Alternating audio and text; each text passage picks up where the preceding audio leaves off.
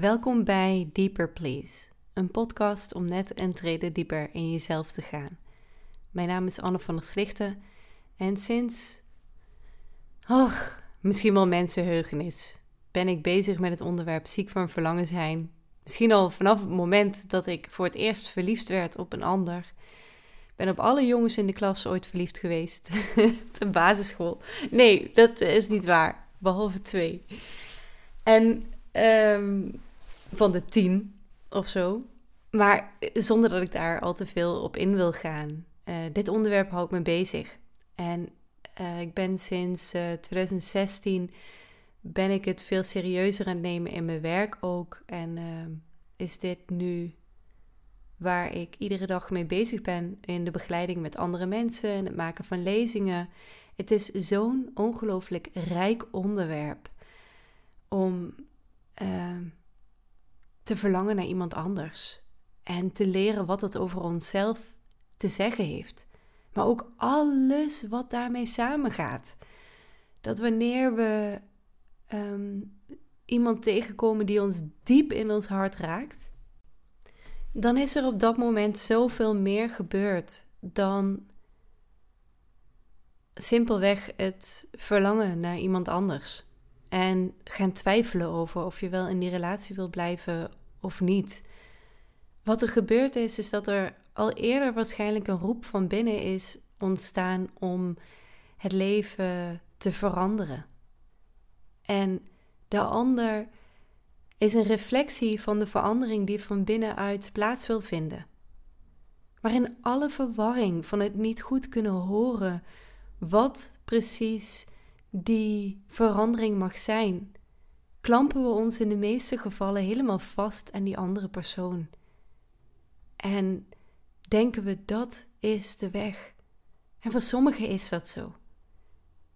Maar wat ik interessant vind is om te werken met hoe kunnen we ons um, de, het contact met ons innerlijk helderder maken.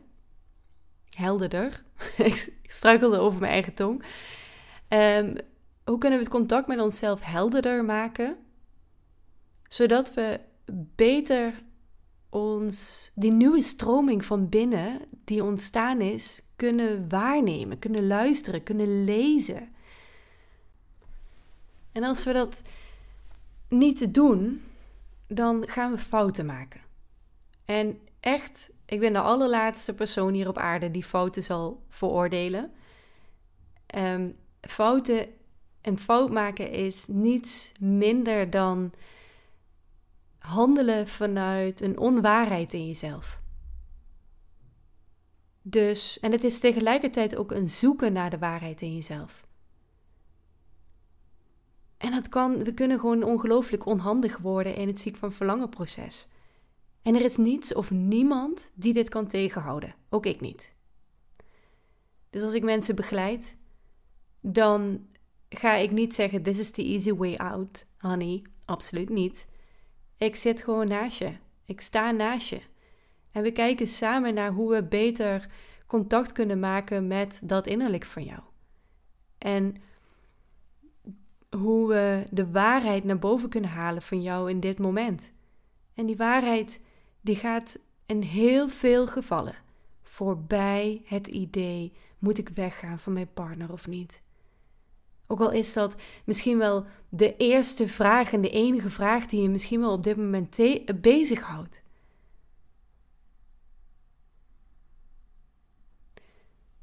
Ik wil graag in deze aflevering een verhaal met je delen over Parijs. Daar was ik vorige week. En in 2014 was ik ook in Parijs. En die twee Parijzen in mij in ongeveer acht jaar tijd. Verschillen enorm. En ik wil graag met jou het verschil delen. Ik zal een klein deel ook van mijn boek voorlezen, waarin ik uh, het, Parijs van 2014 een klein beetje beschrijf. In mijn boek is een heel hoofdstuk en hier haal ik er wat snippets uit. Maar goed, hier komt hij. Ik neem je graag mee naar Parijs in 2014. Het klinkt als een leuk idee. samen een week naar Parijs om te mogen verblijven in een tijdelijk leegstaand appartement van een vriend van Teun. Teun is de naam van mijn geliefde, vlak na mijn Camino. En eventjes voor een klein beetje context. De Camino is een pelgrimstocht van over de 800 kilometer. Ik weet niet of je er ooit van gehoord hebt. In 2014 liep ik mijn allereerste Camino en inmiddels deze, uh, dit voorjaar ga ik de vijfde lopen. Ze zijn niet allemaal even lang. Uh, zo lang, dat was de allerlangste die ik ooit gelopen heb. Maar uh, meestal duurt het wel een paar weken en dan ben je alleen maar aan het wandelen. Dat is de manier van voortbewegen. En het is echt een hele bijzondere ervaring. En ik kwam dus net terug van de Camino in 2014.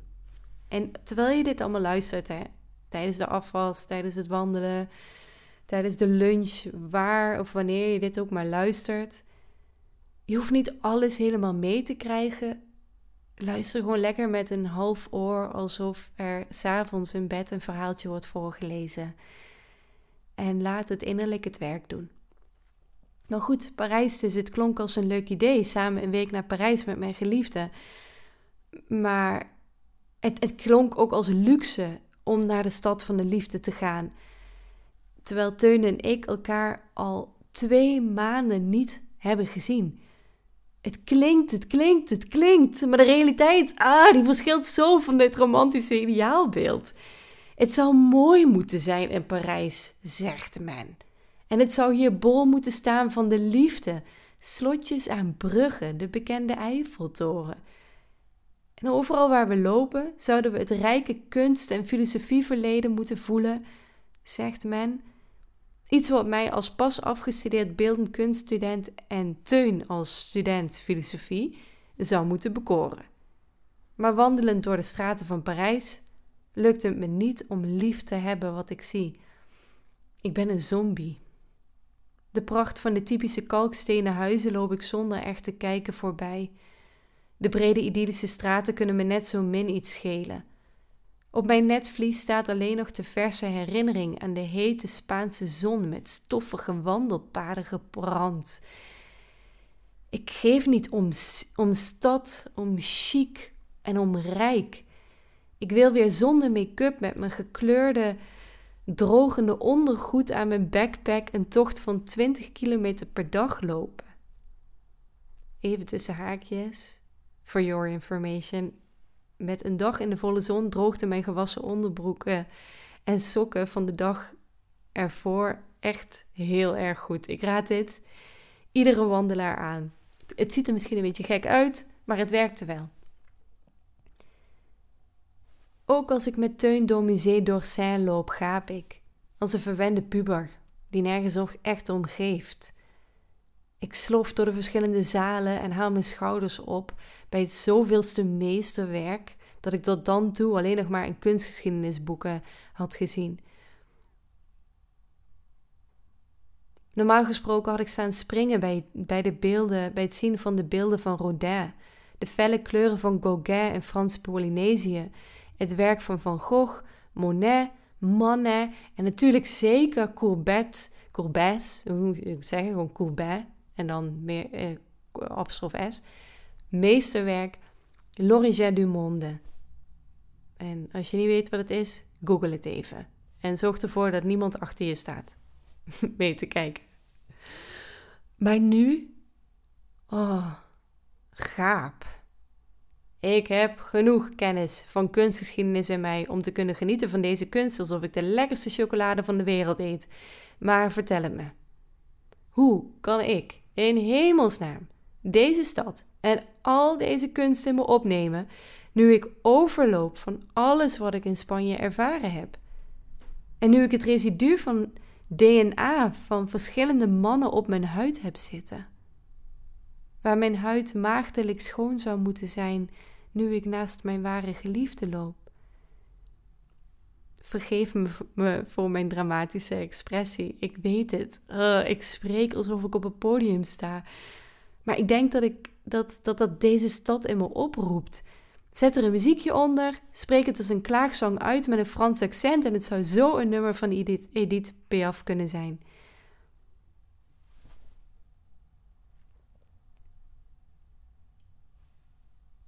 Parijs 2023. Ben ik hier eerder geweest? Alles voelt als nieuw aan, als werelds, als een poort naar een nieuw leven dat zojuist is opengegaan. Al maanden zie ik voornamelijk alleen het interieur van ons huis en de vijf kilometer radius in omtrek waarin ik me voortbeweeg. Bestaat deze prachtige stad ook als ik in stilte op de bank zit? Als mijn kat bij me op, schoot springt? Bestaan deze statige, slanke huizen? Deze mensen met gezichten en kleuren van mokka, van zwarte koffie, van de bruine eikenbast van een boom? Ik zou al deze mensen willen omhelzen omdat ze een honger stillen die ik al maandenlang in mezelf onderdruk. Het verlangen naar de wereld buiten mij. Ik wist niet hoe ik dit verlangen moest volgen, maar nu ben ik er en nu danst, zingt en gilt iedere vezel van mijn lijf het uit dat het dankbaar is hier in deze stad te zijn. Ook met hem, met Teun. Dat had ik in 2014, de laatste keer dat ik hier was en tot de nok vol zat, tot de nok vol met geheimen zat, niet kunnen bedenken. Hoe is het mogelijk dat onze relatie tot hier heeft gehaald? Na het opbiechten van mijn vreemdgaan en mijn verlangens naar anderen. Na het opnieuw verliefd worden op iemand. Hoe kan het dat ik vandaag zijn hand vasthoud en ik geniet van de warmte die er vanaf gloeit?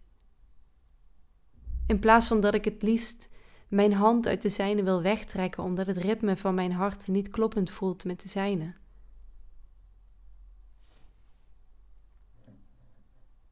En toen zag ik even een klein foutje en die verander ik even. Hop. In mijn tasje zit een roze slotje van veelt dat ik afgelopen week in een van de veel te stille avonden maakte. Ik had me verveeld gevoeld. Maar het maken van een slotje maakte, me, maakte mij weer blij. Nooit zelf voel ik leegte, dan mag ik iets creëren. En verheugde me op het moment dat we onze liefde aan de Pont des Arts opnieuw zouden besluiten. De Pont des Arts, een brug van de liefde in Parijs, waarin het verleden sloten aanhingen van mensen die op die manier hun liefde wilden bezegelen het is inmiddels leeggehaald omdat de brug het gewicht van al die metalen liefhebbende harten niet langer meer kon dragen. En daarom besloot ik zelf een licht, zeer licht moet ik zeggen, stoffen vilte slotje te maken. In de hoop dat deze wel mag blijven hangen. Het is al donker als we bij de brug komen. Teun en ik kijken om ons heen of iemand ons ziet. Ik had een oplettende bewaker verwacht, maar die is er niet. En een troepje toeristen dat nog op de brug rondhangt, is met zichzelf bezig. Oké, perfect. Teun heeft een zwarte tie in zijn handen, ik het slotje. Ik geef het aan hem over. Vingervlug met de snelheid van een Parijse zakkenroller hangt Teun het slotje aan de brug Giechelend kijken we elkaar aan. En dan weer naar het slotje. En dan weer naar elkaar. En dan weer naar het slotje. Teun buigt voorover en kust me. Op een manier zoals hij dat soms doet. Vol overgave, vol liefde, met aandacht. Zoals hij me een paar dagen geleden ook kuste om twaalf uur s'nachts met oud en nieuw. Is dit mijn toekomst? Mag ik echt samen met hem blijven? Is hij voorlopig de ware? Heb ik gefaald, geleerd? Ben ik bewust geworden? Maar heb ik uiteindelijk dit alles overwonnen? 2014. We gaan dus weer even terug in de tijd. Vlak na de grote vagina door Coubin, die L'Origine du Monde, word ik uit mijn dagslaap wakker geschud. Ik sta minutenlang aan de grond genageld. In verschillende tinten blauw, groen, geel en wit is de afwachtende blik van een vrouw met een aureool om haar hoofd naar boven gericht. Vision de Sainte-Geneviève door Alphonse Osbert. Ik weet niet zo goed hoe ik het moet zeggen. Haar handen zijn gevouwen, alsof ze zwijgzaam luistert naar iets wat tegen haar gezegd wordt van bovenaf. Een geschoren schaap staat naast haar en legt zijn hoofd te rusten tegen haar been. De blote voeten van de vrouw staan in het natte ochtendgras. Een kudde schapen ligt nog bij elkaar te slapen op de achtergrond en achter de contouren van een heuvel met bosgroei komt de zon op. Ik kijk naar het schilderij en zie mezelf daar staan. In een andere tijd, in een ander leven, verbonden met God, het buitenleven en de diertjes. Dit is precies wat in mij is aangeraakt tijdens mijn pelgrimstocht, bedenk ik me als ik naar het werk kijk. Teun kijkt over mijn schouder met me mee en mompelt dat hij het ook een mooi werk vindt, maar loopt dan verder. Zijn lichaam voel ik uit de ruimte wandelen, en misschien vanuitgaande dat ik met hem meeloop. Maar ik wil nog niet weg. Hij loopt terug. Ik hoor dat hij een foto van me maakt. Van de mij die verliefd staat te staren naar een beeld waar ik onbewust naar zocht om mijn ervaringen van de afgelopen tijd te kunnen vangen. Het schilderij weet in dit bijzondere moment een brug te vormen tussen de twee gespleten realiteiten in mij. Daar waar ik vorige week nog was en hier waar ik nu ben.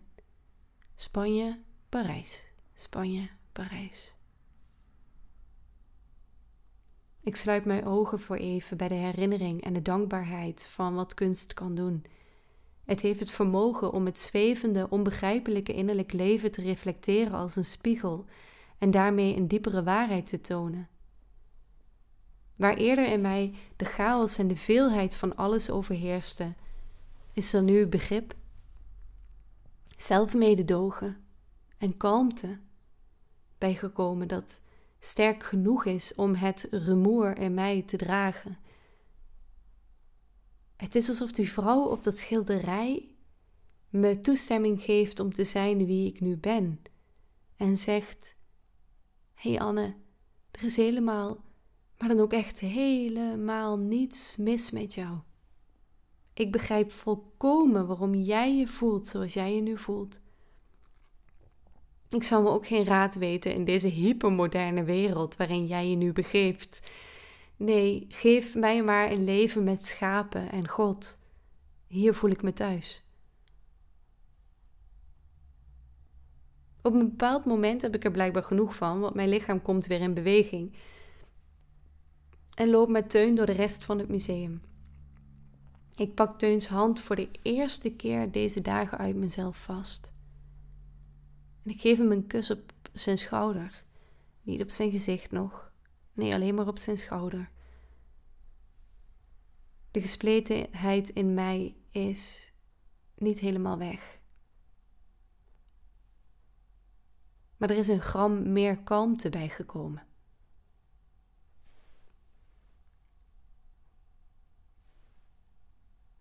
...2023. De inrichting van het museum is veranderd, Teun. Weet je, volgens mij hè, stond eerst het schilderij daar. Ik wijs naar de linkerkant van het gebouw.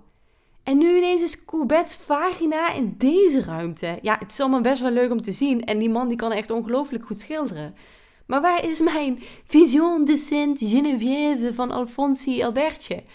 Ah, ik ben helemaal gefrustreerd en Teun die haalt zijn schouders op. Voor mij is het belangrijk om vandaag dit schilderij te zien, maar ik kan hem nergens vinden. Ik hoop gewoon niet dat ze hem ergens in het archief van het museum hebben gedaan. Maar na even zoeken vinden we het schilderij op de eerste verdieping, dus niet op de begane grond, van Musée d'Orsay, in een lichte ruimte vol met andere pastelgekleurde schilderijen die lijken op visioenen van een andere wereld. Ik sta voor haar, de herderin, En in plaats van contact te maken met haar, hoor ik alleen maar de volgende zin door mijn hoofd galmen. Wat is dit moment een groot verschil met acht jaar geleden? Er is geen angst meer. Geen veel te zware last van geheimen. Geen verboden verlangens, geheime verlangens, die me meer verwarren dan richting geven. Ik heb nog heel veel in mijn leven te leren, maar deze les heb ik gehad. God zij dank, jongen. Ho, dit heb ik overleefd.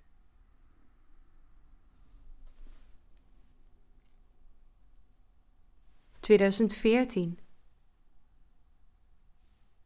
S'avonds in ons kleine bedje, in het kleinste appartementje waar we ooit hebben geslapen vraagt Teun. Anne, ik wil graag dat je eerlijk tegen me bent. Heb je iets met een andere jongen gedaan op de Camino? In elkaars armen verstrengeld stokt mijn adem. Ik krijg het koud en warm tegelijk. Ik probeer een antwoord te formuleren waarin ik de waarheid ontwijk. Met andere woorden, ik lieg. Oh, er is niets gebeurd hoor, helemaal niets. Maar Teun blijft doorvragen als een doorgewinterde politieagent die verraad en leugens met gemak weet te onderscheiden van de waarheid. Hij weet dat ik lieg. Hij weet dat mijn afstand tot hem deze dagen met meer te maken heeft dan alleen een reis waarvan ik helemaal vol ben. Ben eerlijk tegen me, Anne. Ik weet dat er iets gebeurd is, zeg op. Na nog wel vijf keer ontkennen bezwijk ik onder mijn eigen leugens en de angst om Teun kwijt te raken als ik de waarheid vertel. Teun, je hebt gelijk. Ik heb gezond met een ander. Een luide stilte volgt. Teun laat me los. Ik zeg alleen dat. Ik zeg niet dat ik met een ander in bed heb gelegen. Ik zeg niet dat ik met wel twee mannen heb gekust en seks heb gehad. Ik zeg niet wat voor afschuwelijke trut ik ben, want dan weet ik dat ik hem voor goed kwijt zal zijn. Heb je verder nog iets gedaan? vraagt Teun. Nee, zeg ik resoluut. Ik probeer het zo overtuigend als mogelijk te zeggen. En ik denk aan alle verhalen die ik ooit las over liegen. Gaan je neusvleugels dan wijd staan? Moet je dan juist wel of niet je lippen van elkaar houden als je eventjes niet praat? Ik mag niet met, te veel met mijn ogen knipperen, dat, dat weet ik dan weer wel. Moet ik serieus kijken of mag ik ook lachen? Mijn hele lichaam wil lachen van de zenuwen. Een deel van mij wil dolgraag eerlijk zijn. Ik wil het uitschreeuwen. Maar ik ben zo bang om, om hem kwijt te raken. En ik begrijp zelf niet eens wat er gebeurd is.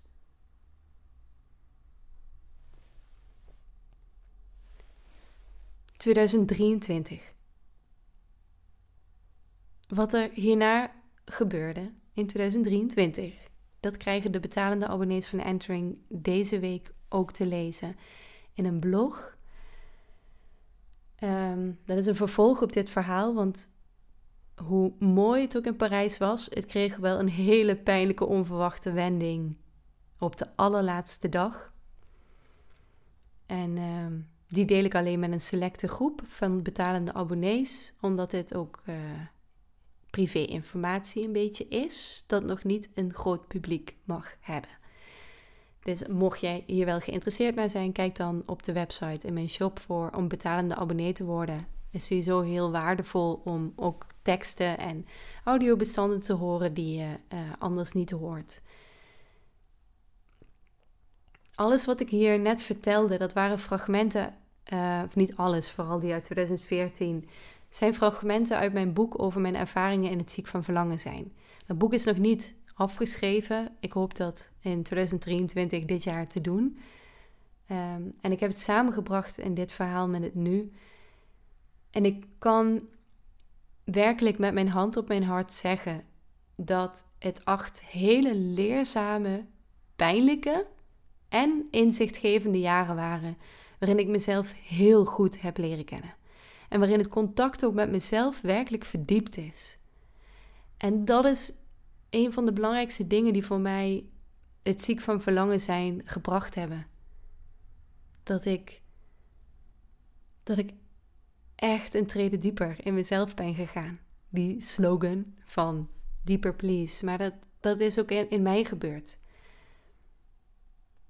Het heeft me een rijker mens gemaakt met veel begrip voor dit onderwerp, dit taboe-onderwerp.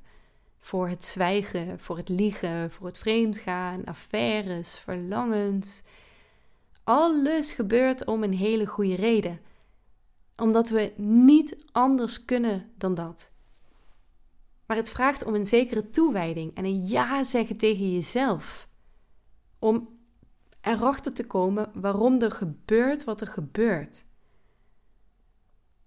Dus dat je niet langer meer, als ik zeg ja zeggen tegen jezelf, dan betekent het ook dat je niet langer meer de aandacht de hele, tijd naar buiten, op, op, de wereld buiten je houdt, maar dat je zegt: Oké, en nu ga ik eens kijken waarom er bij mij gebeurt wat er gebeurt. Waarom gebeurt dit mij?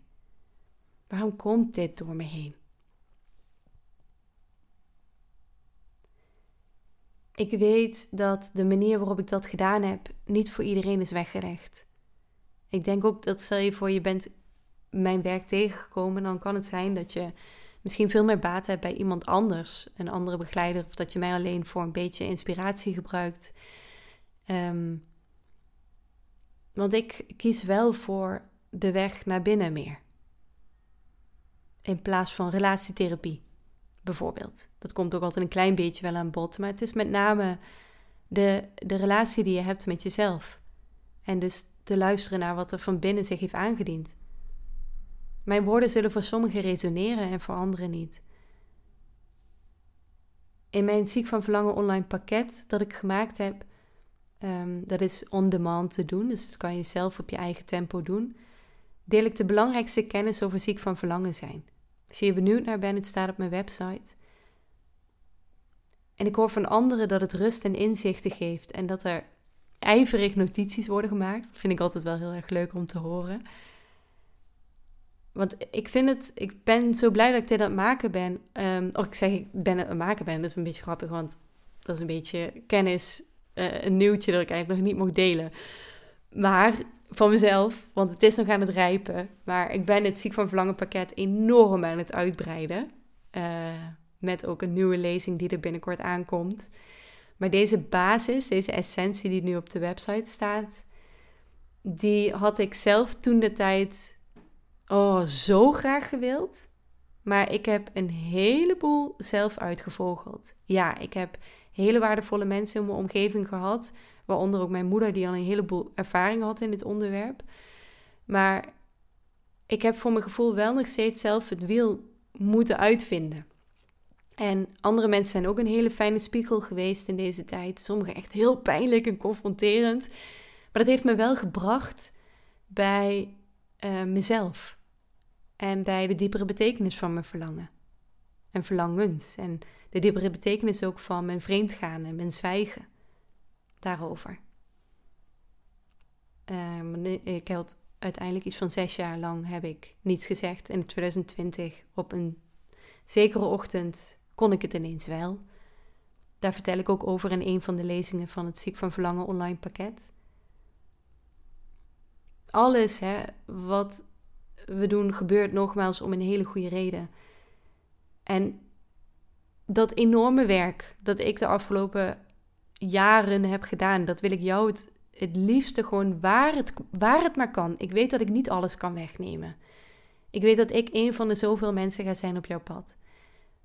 Maar waar het maar kan. Oh, ik wil gewoon even één dikke steen van 100 kilo van dat enorme gewicht wil ik van jou wegnemen. En ik wil je laten zien: hey, dit is er. Deze weg is er. Heb je er ook al zo naar gekeken? Zodat we uit een doodlopende weg in onze eigen gedachten komen. En dat ik je kan laten zien waar wel meerdere open wegen zijn om in te gaan.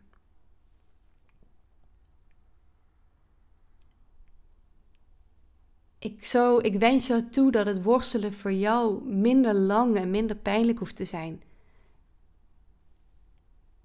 Dus kijk eens naar het online pakket. En kijk eens of het je raakt. Ehm, en die, dat pakket kan je trouwens ook combineren met een enkele sessie. Dus dat je eerst het pakket doet, bekijkt en de cursus doet en daarna met mij een sessie boekt. Uh, en dan uh, werkt de sessie dus voor verbinding en dat je je verhaal ook kwijt kan. En dat ik de losse puzzelstukjes meer kan plaatsen in het grotere geheel. Ik heb morgen ook iemand die het op die manier gedaan heeft. Um, of je kunt een intakegesprek aanvragen voor een intensive. En hierbij krijg je als bonus ook het ziek van verlangen uh, online pakket als naslagwerk als je uiteindelijk kiest voor een intensive. Goed, lieve lieve jij, weet dat er niets mis is met jou. Je bent alleen een mens die van binnen een nieuwe levensroep heeft gehoord en nu op zoek is naar de expressie daarvan. Wat je ook doet, wat je ook maar gedaan hebt. Je bent nogmaals een mens die op zoek is naar waarheid. En soms, ja, dan gebeurt dat met horten en stoten, met vallen en opstaan, fouten maken en kunnen handelen vanuit een innerlijke helderheid over wat jouw waarheid is. En andersom geldt dat dus ook, zolang die helderheid er niet is, maken we fouten.